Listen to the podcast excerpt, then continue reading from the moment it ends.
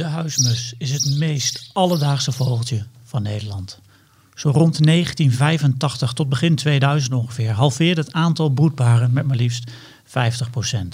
Het chocoladebruine grijze zangvogeltje belandde daardoor zelfs op de rode lijst. Inmiddels lijkt de afname gestopt en is het vrolijke gechilp gelukkig nog volop te horen in de tuin of op de dakgoot.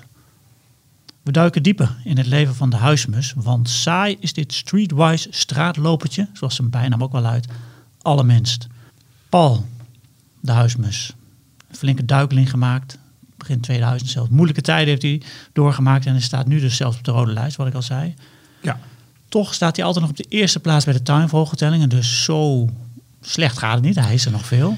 Nee, klopt. Nou, dan mag jij eens uitleggen hoe dat kan. Nou, het is natuurlijk zo dat eh, de huismus gewoon een ultieme eh, tuinvogel is. Dus dat werkt al mee bij zijn tuinvogeltelling natuurlijk. Hij, hij zit vooral in tuinen. En daarbij komt nog dat hij toch nog steeds, eh, de, denk ik, toch wel de algemeenste vogel in Nederland is. Met nou, tussen de 600.000 en 1 miljoen broedparen. En de koolmees die altijd bijna standaard op twee staat in de tuinvogeltelling, die zit daar toch wel een stukje onder. En de pimpelmees al helemaal. Dus de huismus is nog steeds uh, het, algemeenste vogel in Nederland. En over de hele wereld zelfs 500 miljoen uh, vogels. Dus het is echt een, een hele cosmopoliet, zoals we dat noemen. En, en de oorzaak van het dalende mussenpopulatie lag hem vooral in dat zij heel graag onder dakpannen broeden, in gaatjes waar muren waar, waar een steentje ontbreekt, daar duiken ze dan in. Daar maken ze hun uh, nestje. Ja, en met de huidige uh, nieuwe uh, politiek van alles zo goed mogelijk isoleren, gooi je meteen dat voor die vogel in, in duigen. Want ja, alles zit dicht, dichtgepropt. Maar goed, wat, wat ook zo was, is dat de, de straatgrassen, zeg maar, die uh, worden steeds meer door spuitmiddelen, wordt het gewoon allemaal weggespoten of weggehaald. Ja, en dat is iets wat, wat mussen natuurlijk heel graag hun voedsel inzoeken. Die, die, die zaadjes die juist op die straatgrassen voorkomen. Ja, het is wel leuk dat je het zegt, want ik las in de trein net hier naartoe een nieuwsbericht een paar maanden geleden, volgens mij onderzoek uit Engeland, dat uh, het aantal, daar hebben ze ook een mussentelling, hè, net als in Nederland. Daar hebben ze gekeken van uh, die tuinen waar al die mussen zitten, waar wordt gif gespoten en waar niet. En die tuinen waar gif werd gespoten, staat dus minder mussen dan de sluit aan bij wat jij nu zegt. Want ja. die, die pesticiden dus blijkbaar in dat voer van ons komen. Dus dat uh, de wetenschap bevestigen wat jij nu vertelt, dat wil ik er maar mee zeggen. Ja, en wat ook nog zo is, is dat in heel veel gemeenten het, het bermbeheer heel erg is veranderd ten goede. Om voor de vlinders zeg maar uh, vooral bloemen langer te laten staan. En daarmee ook de, de grassen die vooral aan die randen dan uh, groeien. Ja, en dat speelt die mus de laatste tijd volgens mij ook gewoon goed in de kaart. Want ik hoor echt steeds meer geluiden om me heen dat die mussen weer wat toe aan het nemen zijn. Ook bij mij in de straat. Ik heb voor het eerst vorig jaar één paardje en dit jaar drie paar. En ook flink wat jongen. Ze hebben echt uh, vier, uh, vier jongen grootgebracht. En er vliegt nu gewoon een groepje van uh, 12 tot 15 mussen bij mij in de straat. Nou, dan kunnen en, we anders straks, straks wel eens even bij Timo gaan checken of zeker. hij hetzelfde, hetzelfde ja, nou, er zijn nog meer redenen waarom ze het goed doen. En dat is inderdaad iets waar Timo zich mee bezighoudt. En waar ja. hij straks wat over gaat vertellen. Dus dat is... Even hebben. Ja. ja. Oké, okay, dan gaan we nu eens even lekker naar buiten om te luisteren of inderdaad weer wat meer musjes te horen zijn.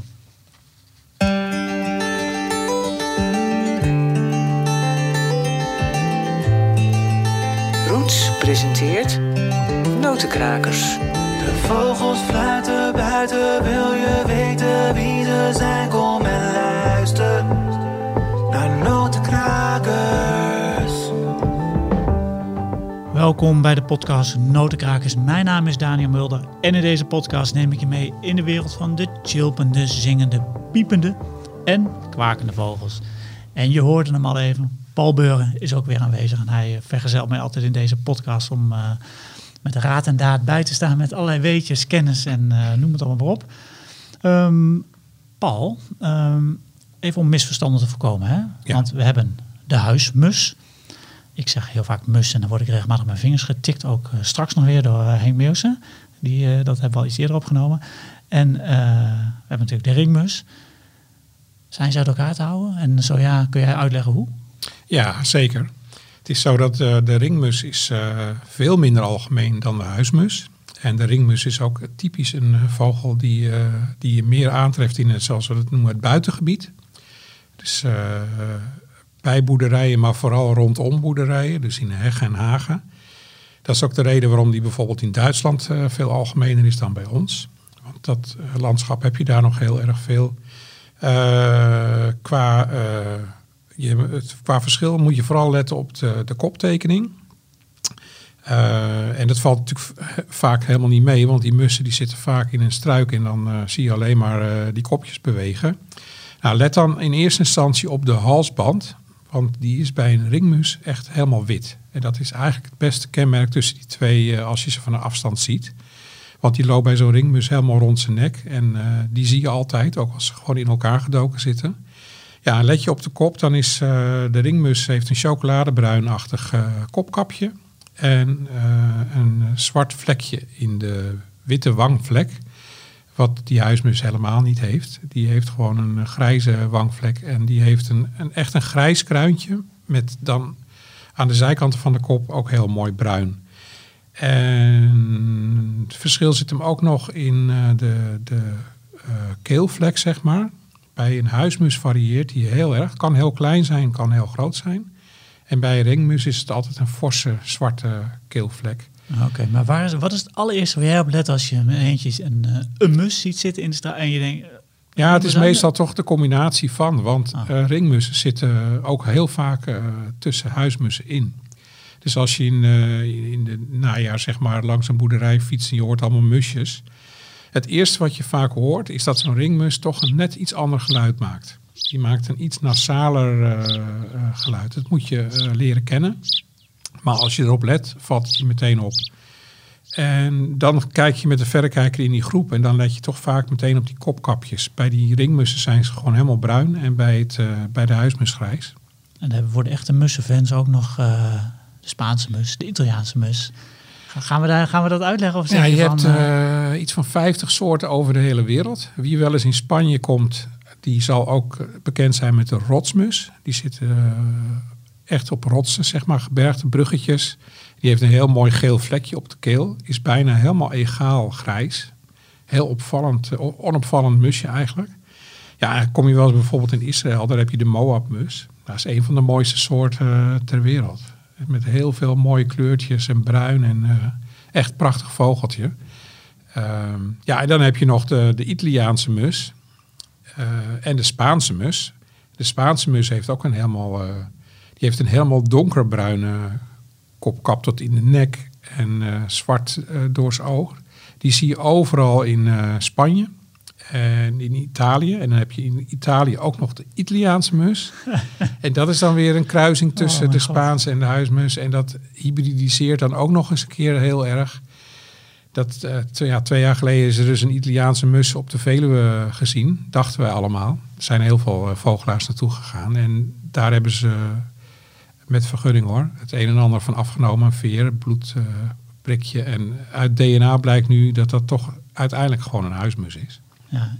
En- heggemus, die noem je niet.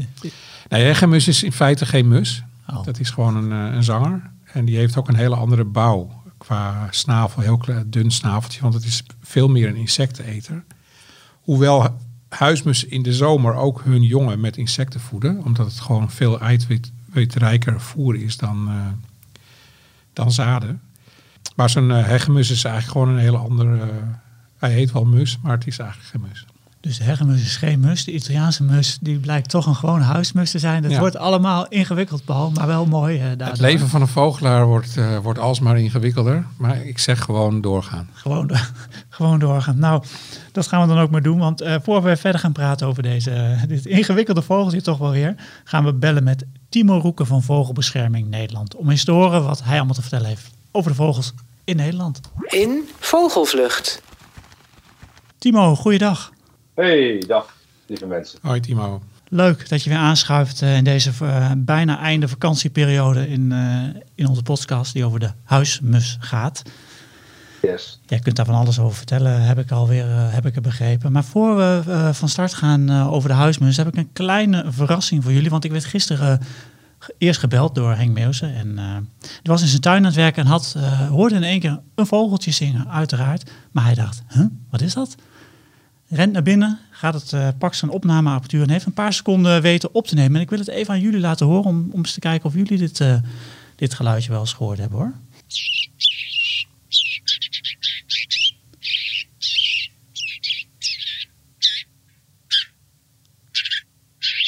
Konden jullie het een beetje horen? Dat was het? Dat, dat, dit is het, dit is het. En, en, nu ben ik benieuwd of jullie weten wat het is. Volgens mij is het een huismus die door een sperwer wordt gepakt of zo. En jij, Timo? Ja het, was, uh, ja, het was voor mij zo kort en snel. Ik heb, het, uh, ik, ik, ik heb er niet zo snel iets van kunnen maken, nee. nee. Mag je nog één keer? Ja.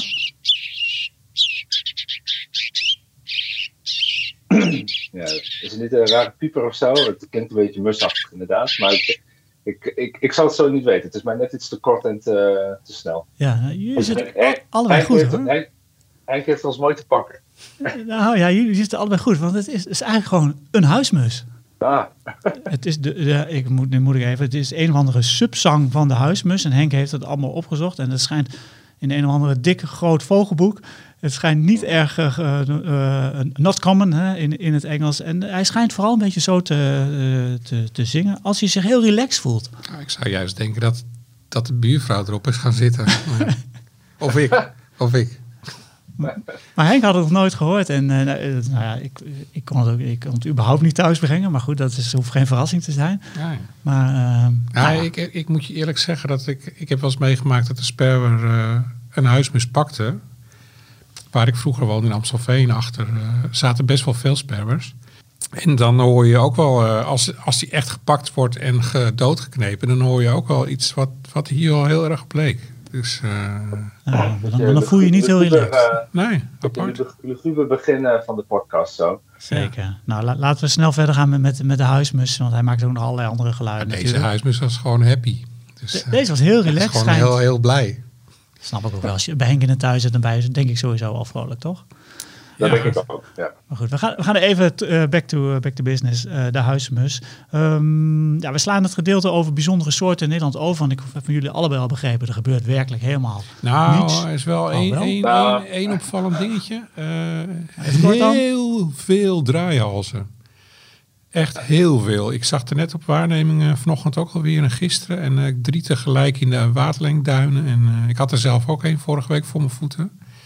En dat is toch altijd een soort waar vogelaars heel blij van worden als ze die eh, zelf ontdekken. Ja, dat snap ik. Timo, jij begon ook al. Nou, Ja, slangenarenden. Oh, Ook, ja, eh, ja. ook echt belachelijk eh, veel. Ook zwarte ooievaars belachelijk veel. Dus wat ik net, eh, voordat onze podcast begint, praten wij eh, altijd een beetje bij als oude mannen. Maar daar, eh, toen hadden we het er ook over. Toen zei ik al van ja, de zomer is echt wel waardeloos. En dat is vaak ook wel zo. Maar goed, degene die echt op zoek gaat en eh, veel buiten is, die wordt uiteindelijk wel, wel vaak beloond. Want eh, ja, zwarte ooievaren dus, draaials inderdaad. En slangenarenden, ja, dat is best wel veel eh, dit jaar. Dus dat is wel leuk om te zien. Er gebeurt toch wel wat eh, op de achtergrond. Ik hoor het al. eh. Maar we gaan nu even naar een soort die eh, voor de meeste mensen iets bereikbaarder is. de huismus. Timo, ehm, vanuit Vogelbescherming hou jij bezig met allerlei projecten om vogels te beschermen. De huismus is er één van, want we hadden het aan het begin van deze podcast al even benoemd, Paul en ik. Die huismus is natuurlijk in een duikvlucht naar beneden gegaan, einde vorige eeuw, begin deze eeuw. Gehalveerd, staat zelfs op de rode lijst. Maar ehm, waar ben jij mee bezig vanuit Vogelbescherming? Uh, wat, houdt die, uh, wat houdt de beschermingsplan in? Ja, niet alleen ik natuurlijk, maar inderdaad, uh, Vogelbescherming zelf is, is redelijk druk altijd met, met de huismus. En teken, zeker Team Stad. Het heeft alles mee te maken dat de huismus natuurlijk ook wel een beetje een, knuffel, een knuffelsoort is. En het is ook wel echt een iconische soort waarbij we als, die we als Nederland echt massaal verloren zijn. Eigenlijk in de afgelopen, ja, wat zal het zijn, vanaf de jaren 70, 80 gaat het eigenlijk heel erg slecht zie je ook wel dat het uh, samengaat eigenlijk met de opkomst van een aantal, ja, ook wel modeverschijnselen. Ja, zal ik daar wat kort over vertellen? Ja, want ik wil vragen, wat bedoel je daarmee? Maar ja, vertel maar. Jullie zijn allebei van uh, geboren in ieder geval voor de jaren 90, dat durf ik wel met zekerheid te zeggen. Klopt. En uh, als je in de jaren tachtig door, de Nederlandse, door het Nederlandse straatbeeld heen fietste, voornamelijk uh, langs de achtertuinen, dan zag je bij het gros van de Nederlanders in de tuin, als, dan hadden ze een heg en die heg die bestond dan eigenlijk nog, nog niet uit een schutting. Dat waren eigenlijk heel vaak waren dat uh, coniferen, ook geen inheemse plant, maar uh, die plant die gaf natuurlijk wel heel veel beschutting um, en heel veel veiligheid voor zo'n huismus. Uh, en reken daarbij dan ook meteen dat we onze huizen gaan isoleren. Ik zeg altijd, uh, uh, voor 1982, voor 1980 bouwde iedereen in Nederland eigenlijk natuurinclusief. Dat ging eigenlijk volledig onbewust, want overal zaten gaten en kieren in onze huizen. Maar die zijn we natuurlijk allemaal gaan aanpakken, om, omdat dat ook verlies is eigenlijk van energie. En zo zie je maar weer dat bepaalde maatregelen die duurzaamheid bevorderen, dat die soms slecht zijn voor de biodiversiteit. Dus al die maatregelen bij elkaar, uh, ja, dat heeft eigenlijk uh, ervoor gezorgd dat die huismus enorm in aantal achteruit is genomen, uh, gegaan. En, en, maar en, mag, als, als, ik even een vraag mag stellen, Timo, wat, je hebt het over die huizenbouw, hè, dat dat dus allemaal is veranderd, energiebesparing, noem maar allemaal maar op. Um, maar wat kun je daar tegen doen? Want het wordt alleen maar erger natuurlijk. Er wordt, steeds meer geïsoleerd en alles wordt dichtgetimmerd alleen maar om, om die gas, gas en uh, stroomrekening zo laag mogelijk te krijgen. Ja, je kunt uh, nestkasten plaatsen. Dus op het moment dat je je huis gaat renoveren, dan kun je gaan kijken naar uh, inbouwstenen bijvoorbeeld. dan heb je eigenlijk alleen nog maar een gaatje in je huis. En daarachter zit dan een, een neststeen voor een huismus. Ehm, en ja, huismussen zijn echt opportunisten. Dus die weten die plekken eigenlijk wel heel erg snel te vinden. Op het moment dat ze een soort van aanvlieg, uh, aanvliegroute hebben. Ze moeten eigenlijk vanaf, je, vanaf de nestplek moeten ze eigenlijk heel snel ergens in een struik of in een bosje kunnen vliegen. En dat maakt het voor hen een veilige omgeving. Uh, dus als je, dat, als je dat een beetje voor elkaar kan boksen, dus je kunt, een, je kunt ook een fysieke nestkast aan de buitenkant ophangen en je kunt ze inbouwen. Daarmee help je hen wel. Waar je mussen eigenlijk nog steeds het meest mee helpt, is gewoon echt een groene tuin met inheemse beplanting. Oké, en uh, heel iets anders. Ik heb deze zomer zonnepanelen op, mijn, op mijn dak gelegd. En uh, ik woon in een oud huis met kieren en gaten. En daar broeden ook uh, huismussen in. Ook bij de buren zag ik ze volop bezig met heen en weer vliegen. Toen dacht ik nog, heeft een zonnepaneel, heeft een huismus daar überhaupt baat bij? Kan hem dat helpen? Ja, zeker. Daar zijn we ook al met projecten mee bezig. Um, dat staat nog wel een beetje eh, in de, in de kinderschoenen. Maar ehm, eh, wat, daar, wat waar we wel mee bezig zijn, kijk, we zien dat die huismussen onder die, onder die natuurlijke ruimte, onder die zonnepanelen, dat ze daar wel onder gaan zitten. En dat ze daar ook al nesten gaan bouwen. Net zoals, uh, we hebben ook voorbeelden van grote bonte specht. Ook steenuil gaat bijvoorbeeld onder, onder zonnepanelen zitten. Dus daar, ja, dat, dat, vogels maken gewoon gebruik van de ruimte die er is. Alleen, loop je nu natuurlijk weer tegen het feit aan dat mensen gaan zeggen: ja, maar dat is eigenlijk niet de bedoeling. Dus wat je ziet is dat bijvoorbeeld de verzekeringsbranche en de zonnepanelenbranche. Ja, die zijn daar absoluut niet blij mee, omdat er natuurlijk elektra onder loopt. En als die elektra op de een of andere manier niet helemaal optimaal is aangelegd, of er zit toch een productiefout in, dan Zo'n zonnepaneel heeft ook restwarmte aan de onderkant. Het wordt nu heel technisch en saai verhaal. Maar mhm. op het moment dat er zo'n vonk overspringt, bijvoorbeeld in zo'n nest, ja, dan, dan is het redelijk snel gebeurd natuurlijk. Want zo'n nest is droog. Um, dus waar we mee bezig zijn, is zijn we verschillende uh, partijen zijn we aan het kijken, ook met productontwerpers. zijn we aan het kijken hoe kunnen we die, uh, bijvoorbeeld Vivara en de Unitura, zijn we aan het kijken hoe kunnen we nou een neststeen ontwikkelen onder zo'n zonnepaneel, die koel kan blijven, maar die ook brandvrij is. Dus op het moment dat we dat straks voor elkaar hebben, ja, dan, zit, kunnen we misschien toch wel een, een, voor vogels in ieder geval, kunnen we dan misschien, en misschien ook geschikt voor probleemhuis, dat weet ik niet. Uh, dat is niet mijn expertise. Maar dan kunnen we daar ook uh, mogelijkheden voor creëren. En dan is het, kunnen we misschien ook sneller zo'n uh, isolatieproces doorlopen met z'n allen. Oké, dus jij ziet wel kansen voor en je huis duurzamer maken en ook de mus een handje helpen. Ja, zeker. Want die mus die zit natuurlijk gewoon overal in Nederland. Hè? Als, we dan, als we nu een beetje overgaan op het algemene verhaal. Kijk, zo'n mus kan je bijna overal in Nederland vinden. Volgens mij zijn de delen van Drenthe zijn wat lastig uh, voor zo'n mus. En de hele Hoge Veluwe is zo ongeveer ongeschikt. Maar voor de rest kan, die, kan je hem overal vinden. En het is een soort die hier Ja, die is ooit met de Romeinen meegekomen vanuit Zuid-Europa, als ik me niet vergis. Dus het is echt een cultuurgebonden vogeltje. Dus wij zijn ook echt wel verantwoordelijk, vind ik, uh, als soort, uh, de mens, om de soort, de huismus, een, een, goede plek te geven. Het is ook gewoon een hele gezellige vogel. Als je in een wijk fietst met heel veel huismussen, dan, um, ja, daar word ik altijd heel gelukkig van. Het, het, het, het, zegt mij ook heel veel. Het is een hele goede indicatiesoort. Als ik ergens fiets en ik hoor heel veel huismussen, dan weet ik in ieder geval dat dat er nog voldoende mensen zijn die aandacht eh, besteden aan hun tuin. Ja, of juist geen aandacht besteden aan hun tuin. Hè? Dus dat kun je ook nog zeggen. Een wilde mhm. tuin is ook heel goed. Ja. Maar dat, eh, het is een goede indicatiesoort. Timo, nog even tot slot over de huismus. Um, er waren natuurlijk wat sombere geluiden zo begin 2000 dat het uh, gedaan was met de huismus. Deel jij die mening of denk je van nou, zo'n vaart gaat het niet lopen? Oeh, dat is een lastige vraag, Daniel. Dat ligt helemaal aan hoe wij. Want we zien nu weer een lichte toename in het aantal huismussen. Eh, in Nederland. Eh, maar het is natuurlijk nog steeds niet, uh, zit nog steeds niet op het punt waar we ooit waren. Al die, kijk, als je nu door een wijk loopt waar heel veel huismussen zitten, of net na de vakantie, dan, dan krijg je heel snel de indruk dat het goed gaat met al die huismussen. Want ze kunnen zo twee, soms in hele gunstige omstandigheden misschien wel drie legsels per jaar per broedseizoen doen, waardoor er dus heel veel kleine huismusjes bij komen. Maar 60% van die huismussen die gaat in, of, uh, in, uh, in stedelijk gebied gaan die, die de pijp uit. Uh, in, in het eerste jaar.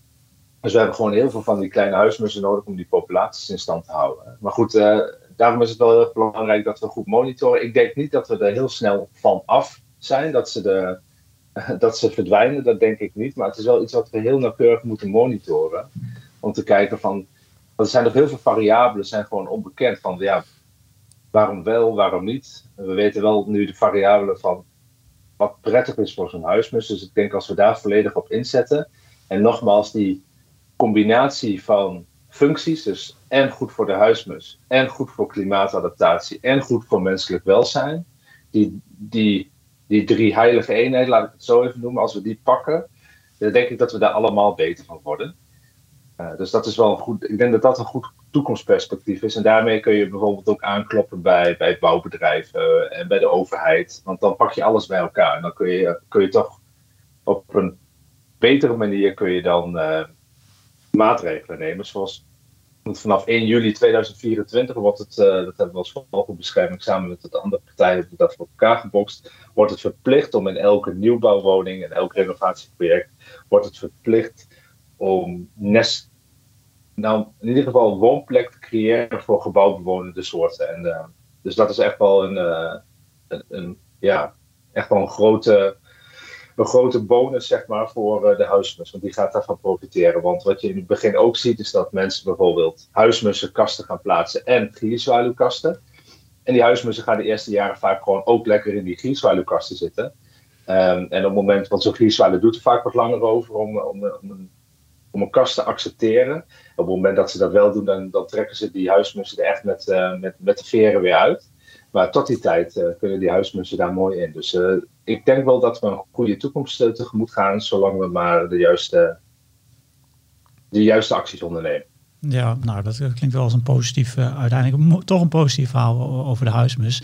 Waar we het al, ook altijd over hebben in, in deze podcast, dat doen jullie samen, Paul en jij. Jullie kiezen altijd een een natuurgebied van de maand uit uh, om lekker vogels te kijken. En voor september, wat hebben jullie... Uh, Paul, zal ik maar jou vragen? Wat hebben jullie uitgekozen? Tada! Tada. Het Vochteloerveen.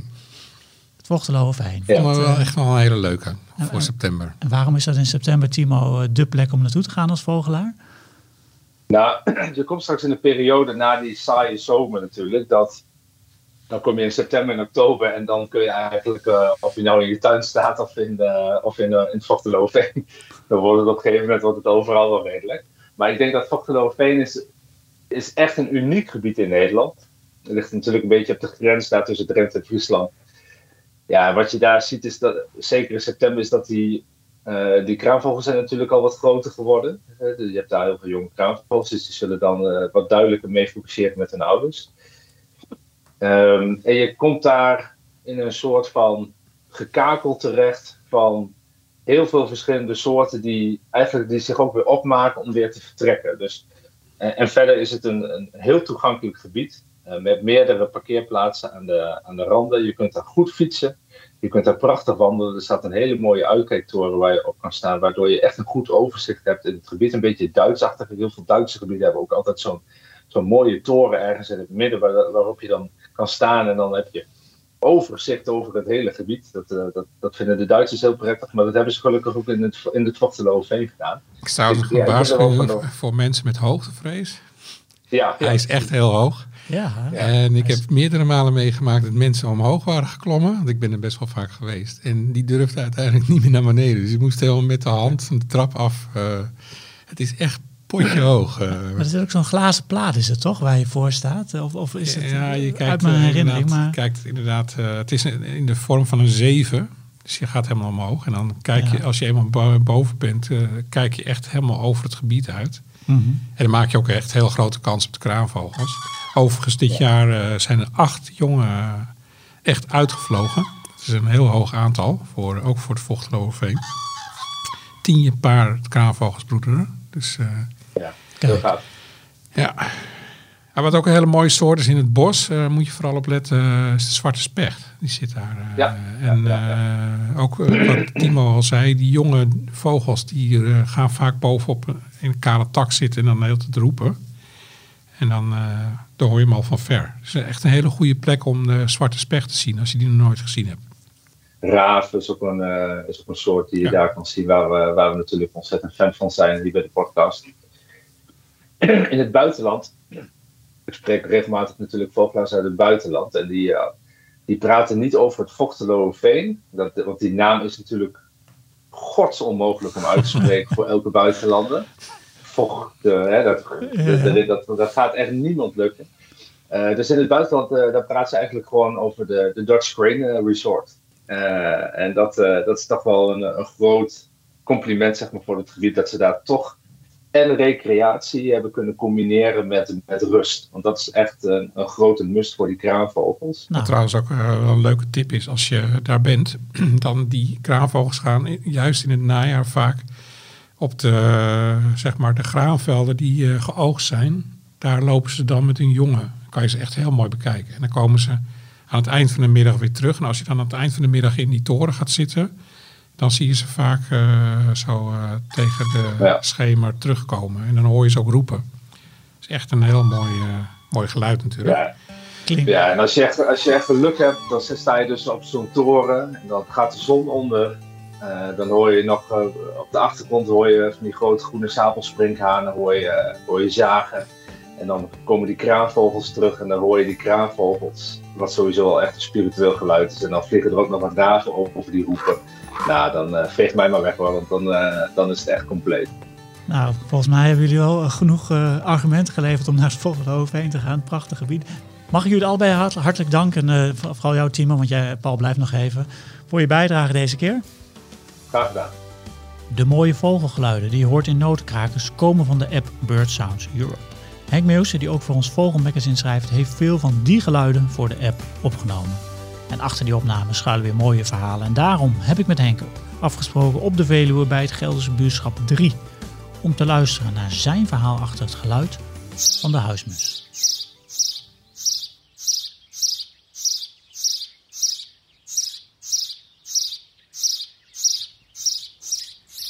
Henk, wat hoor jij hier allemaal? Gezelligheid.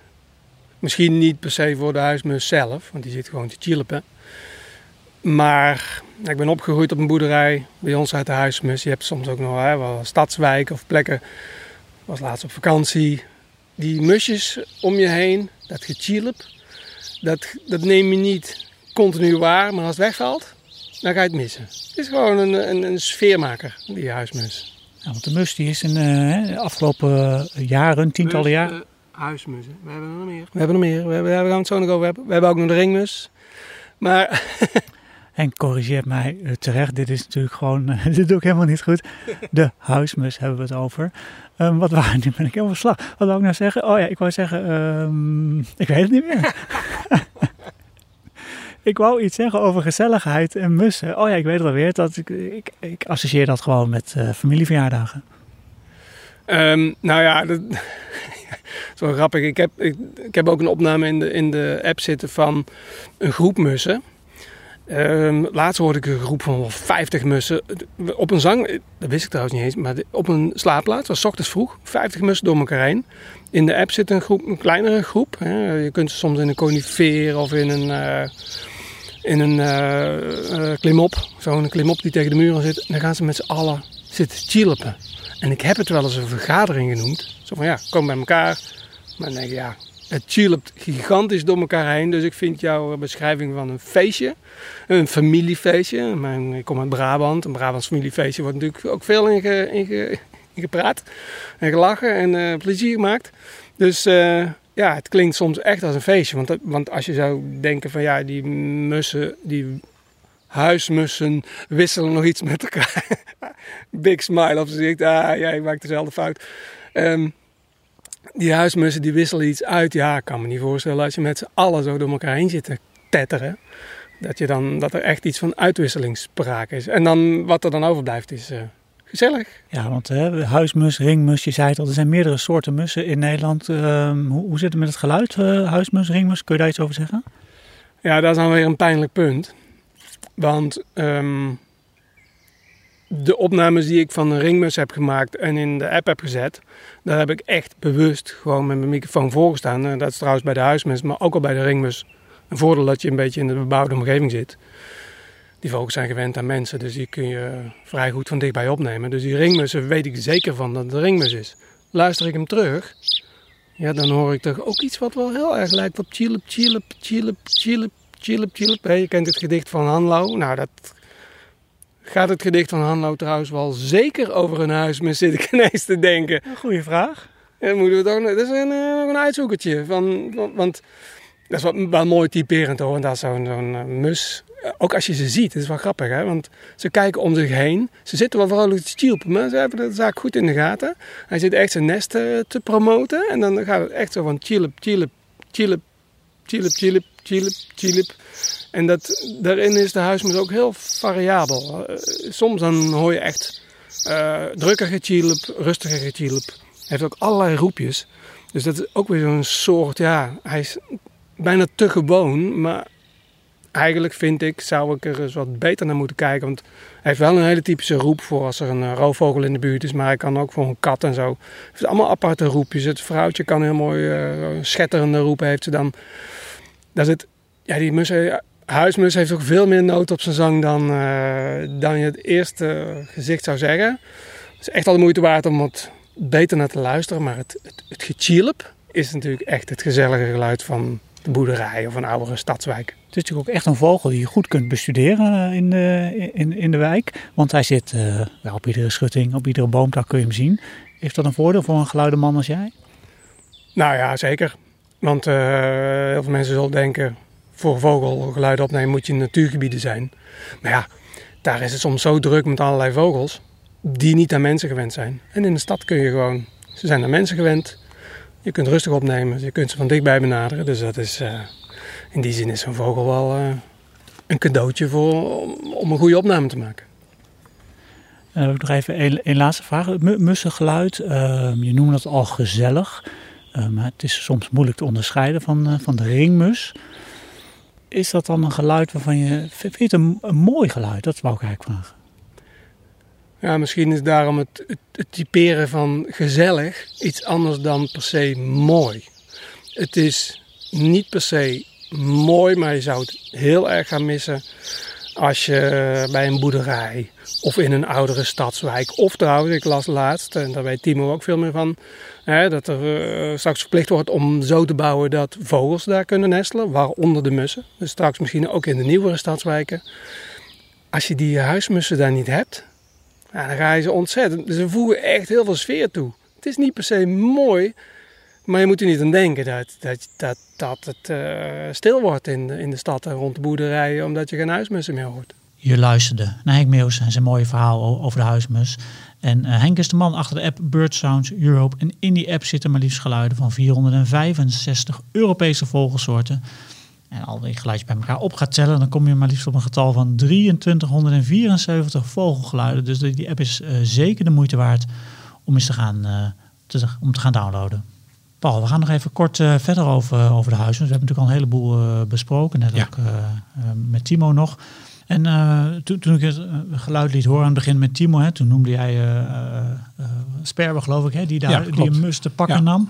Hoe zit het met de vijanden? Sperber is er dus één van, begrijp ik al uit je antwoord. Ja, nou de mus is, eh, wordt echt heel veel gegeten door andere vogels. En dan moet je echt met name denken aan de, het mannetje sperwer, zeg maar, is wat kleiner dan het vrouwtje. En het mannetje sperwer, die, eh, er zijn echt onderzoeken naar gedaan.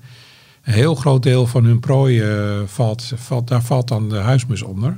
Omdat ze, ja, zeker als die kleine musjes net uit het nest komen. Dan, eh, ik heb vroeger vlakbij Artis gewerkt, er zaten heel veel mussen. En daar zat vlakbij een broedpaardje uh, achter het Tropeninstituut. En die, dat mannetje vloog gewoon Artis in. En die pakte gewoon een mus en die vloog gewoon terug. En het was gewoon, uh, ja, ik, ik, keek er echt op uit. Dus ik zag echt, ze zaten, die, die musjes zaten veel in het dierentuingedeelte. En daar keek ik op uit. En de ene na de andere werd daar gewoon weggesleept. Ja, en verder natuurlijk de torenvalk uh, verslaat, ver, ver, pakt ook heel graag een mus. Maar je moet ook denken bijvoorbeeld aan een reiger. Die, en, en meeuwen, die pakken ook gewoon regelmatig mussen. Maar de grootste vijand is natuurlijk de kat. Er zijn ongelooflijk veel katten in Nederland. En vooral ook in tuinen. En die, ja, ik, ik denk dat, dat de meeste huismussen door katten worden verslonden. Ja, nee, dat zou je wel eens gelijk in kunnen hebben. Maar ja, goed. Dat, uh, moet alle maar goed, daarom uh, broeden ze ook drie tot vier keer per jaar. Als het een heel zacht najaar is, dan willen ze nog wel eens een vierde keer broeden. Ze leggen bijna altijd vier eieren. Dus reken maar uit, 16 jongen per jaar. Nou, stel, de helft wordt opgegeten en dan nou, heb je altijd nog de helft heb je nog over. acht over. Nou ja, goed. Dus in dat opzicht bewapenen ze zich. Ja. Heb je verder nog wat leuke weetjes weten op te duiken? Ja, het allerleukste weetje vind ik eigenlijk wel dat, dat de mannetjes, daar is ook heel veel onderzoek naar gedaan. Hoe groter de zwarte, zwart op de keel, hoe, hoe gewilder ze zijn bij de vrouwen. Okay. En daar schijnt dan ook nog wel weer een, een, een nou ja, hoe groter, zeg maar, hoe meer zwarte veren zo'n huismus heeft, uh, hoe groter zijn zijn teelballen. En hoe ze dat onderzocht hebben, moet je mij niet vragen. Jongen, jongen, maar, uh, uh, en dat betekent dus ook blijkbaar meer zaad en dus vruchtbaarder en dus nog meer gewilder door een vrouwtje. En ehm, ja, dan noem ik nog even iets waar... Waarom is dit jouw favoriete weetje trouwens? Ik heel veel mannen uh, van achterover zullen slaan, is dat zij tegen de tijd dat eieren ontwikkelen, 40 maal per dag paren. Dus. Ik ben er stil van. Is dat een weetje of niet? Dat is zeker een weetje. Ja, en dan de, de allergrootste klapper, denk ik ook nog, is dat door introducties in Amerika, uh, Australië en zo, de huismus inmiddels de meest verspreide zangvogel ter wereld is. Met wat ik al eerder zei, al meer dan 500 miljoen uh, vogels. Dus dat is echt heel veel. Dus wereldwijd doet hij het gewoon hartstikke goed. Nou, mooie weetjes. Ja, toch? Was dit hem of... Uh... Ja, ik denk het wel. Eentje, mag ik nog eentje? eentje ja. Je had er nog eentje, want in het begin had ik het over... Uh, waar had ik het over? Die straatlopen. Streetwise straatlopertje noemde ik hem. En dat had ik weer uit jouw uh, verhaal gevist. Dat het een dialect is. Dialect, een, een bijnaam. Ja, je hebt heel veel dialectnamen. Uh, boerenmus, pannenklutser, papmus, straatloper. Ja, juist omdat het natuurlijk zo'n uh, vogeltje is wat bij mensen in de buurt... Uh, ja. Grappig, ja. Oh, trouwens, ook nog één leuk weetje. de allerbekendste mus ter wereld ooit. Weet je niet toevallig? nee. Dat is, hij staat opgezet in Naturalis. je had toen Dominee Day. Oh ja. In 2005. Ja, ja. En uh, die lui hadden 3,5 miljoen steentjes klaarstaan in de expo-hal uh, in Leeuwarden. En toen was er dus één huismus binnengekomen en die, uh, ja, die vond het heel erg leuk om die Lego-blokjes aan te tikken. En bij 23.000 aangetikt hebben ze hem toch in overleg afgeschoten. En die staat nu opgezet, opgezet in, ja. volgens mij, Naturalis. Jongen, jongen, wat een actie was dat inderdaad. Ja. Mooie weetjes, uh, Paul. Die heb, je, die heb je goed verzameld. Uh, maar we gaan nu ook nog naar een ander weetje. Want we hebben ook altijd een, een vogelvraag in deze podcast. En uh, we gaan eens even kijken wat dat is. In deze rubriek stellen luisteraars vragen over vogels. Wat een vraag! Jan Willem van den Hudding die wil graag weten waarom jonge meerkoeten van die leuke oranje-rode veertjes op hun kop hebben. Een hele goede vraag. Er zijn, eh, er zijn wel meer soorten die eh, kleuren op snavels hebben of op de kop. Zoals zilvermeel heeft bijvoorbeeld eh, ook een rode kleur op de snavel waar de jongen dan juist naartoe pikken. Het heeft dus inderdaad te maken met het aanbieden van voedsel. Bij heel veel vogelsoorten zit, hebben jonge vogels zeg maar, opvallende kleuren in de bek of langs de rand van de bek. En daardoor worden de ouders blijkbaar gestimuleerd om, eh, zodra die bek open gaat, om daar dan wat in te doen. En eigenlijk is dat bij zo'n jonge meerkoet dus ook. Die, eh, hoe roder de veertjes, hoe groter is de drang dat zij eh, aangeven bij de ouders dat ze honger hebben. En uit onderzoek blijkt dus ook dat de jongste en de kleinste jonge meerkoetjes de felste kleur op de kop hebben, omdat zij eigenlijk het meeste voedsel nodig hebben. Dus dat is een wisselwerking. Eigenlijk heel bijzonder. Ja, zeker. Maar bijzonder. eh, zo werkt het wel. Ja, nou, maar, maar mooi uitgezocht. En ehm, nou, mocht je nou zelf ook eens denken van eh, hoe zit dat nou met een bepaalde vogel of ik heb daar een vraag over, dan kun je die mailen naar info@rootsmagazine.nl en dan gaat Paul die proberen uit te zoeken voor je. Notenkrakers. Ik zei het net al even eerder, de geluiden die je in deze podcast voorbij hoort komen, die komen van de app Bird Sounds Europe. En daar zitten maar liefst geluiden van 465 vogelsoorten. En dan ga ik nog even iets over het Vogelmagazine zeggen, want die is net eh, verschenen. Het najaarsnummer van het Vogelmagazine is nu verkrijgbaar in de winkel, maar je kunt hem ook los bestellen via de website rootsmagazine.nl. Paul, je hebt er weer hard aan gewerkt. In één zin, de highlight eruit. Ja, de raaf natuurlijk. Nog een keer, eh, zeker, hè, zeker. eh, hoe haal je snippen uit elkaar? Vijf zwanensoorten eh, in Nederland. Hoe, hoe, hoe zien die eruit? Eh, en eh, wat ook heel leuk is, tien hotspots voor vogeltrek. Dus als je vogeltrek wil waarnemen. En we geven ook nog tien soorten te herkennen op geluid. Dus eh, hartstikke mooi nummer. Klinkt, klinkt als een mooi nummer. En hebben we ook nog een nieuwe Roots eh, in de winkel eh, liggen. Het septembernummer. Dus eh, het is allemaal weer een grote natuurfeest. En het volgende magazine, als je die nou eigenlijk altijd wil ontvangen, je krijgt gewoon bij een abonnement op Roots. Dus dat is, dat is helemaal mooi. Dan rest mij nog één ding. En even verwijzen naar de volgende podcast. Want in oktober dan keren we terug met een nieuwe podcast. En ik kan wel zeggen dat dat een heel mooi geluid is, Paul. Welk geluid bespreken we dan? De oehoe. En die klinkt wellicht zo.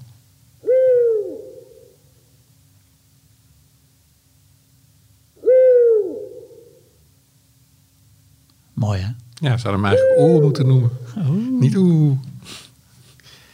Dit is een vrouwtje, zegt, eh, heeft Henk erbij gezegd. Ah, dat verklaart het.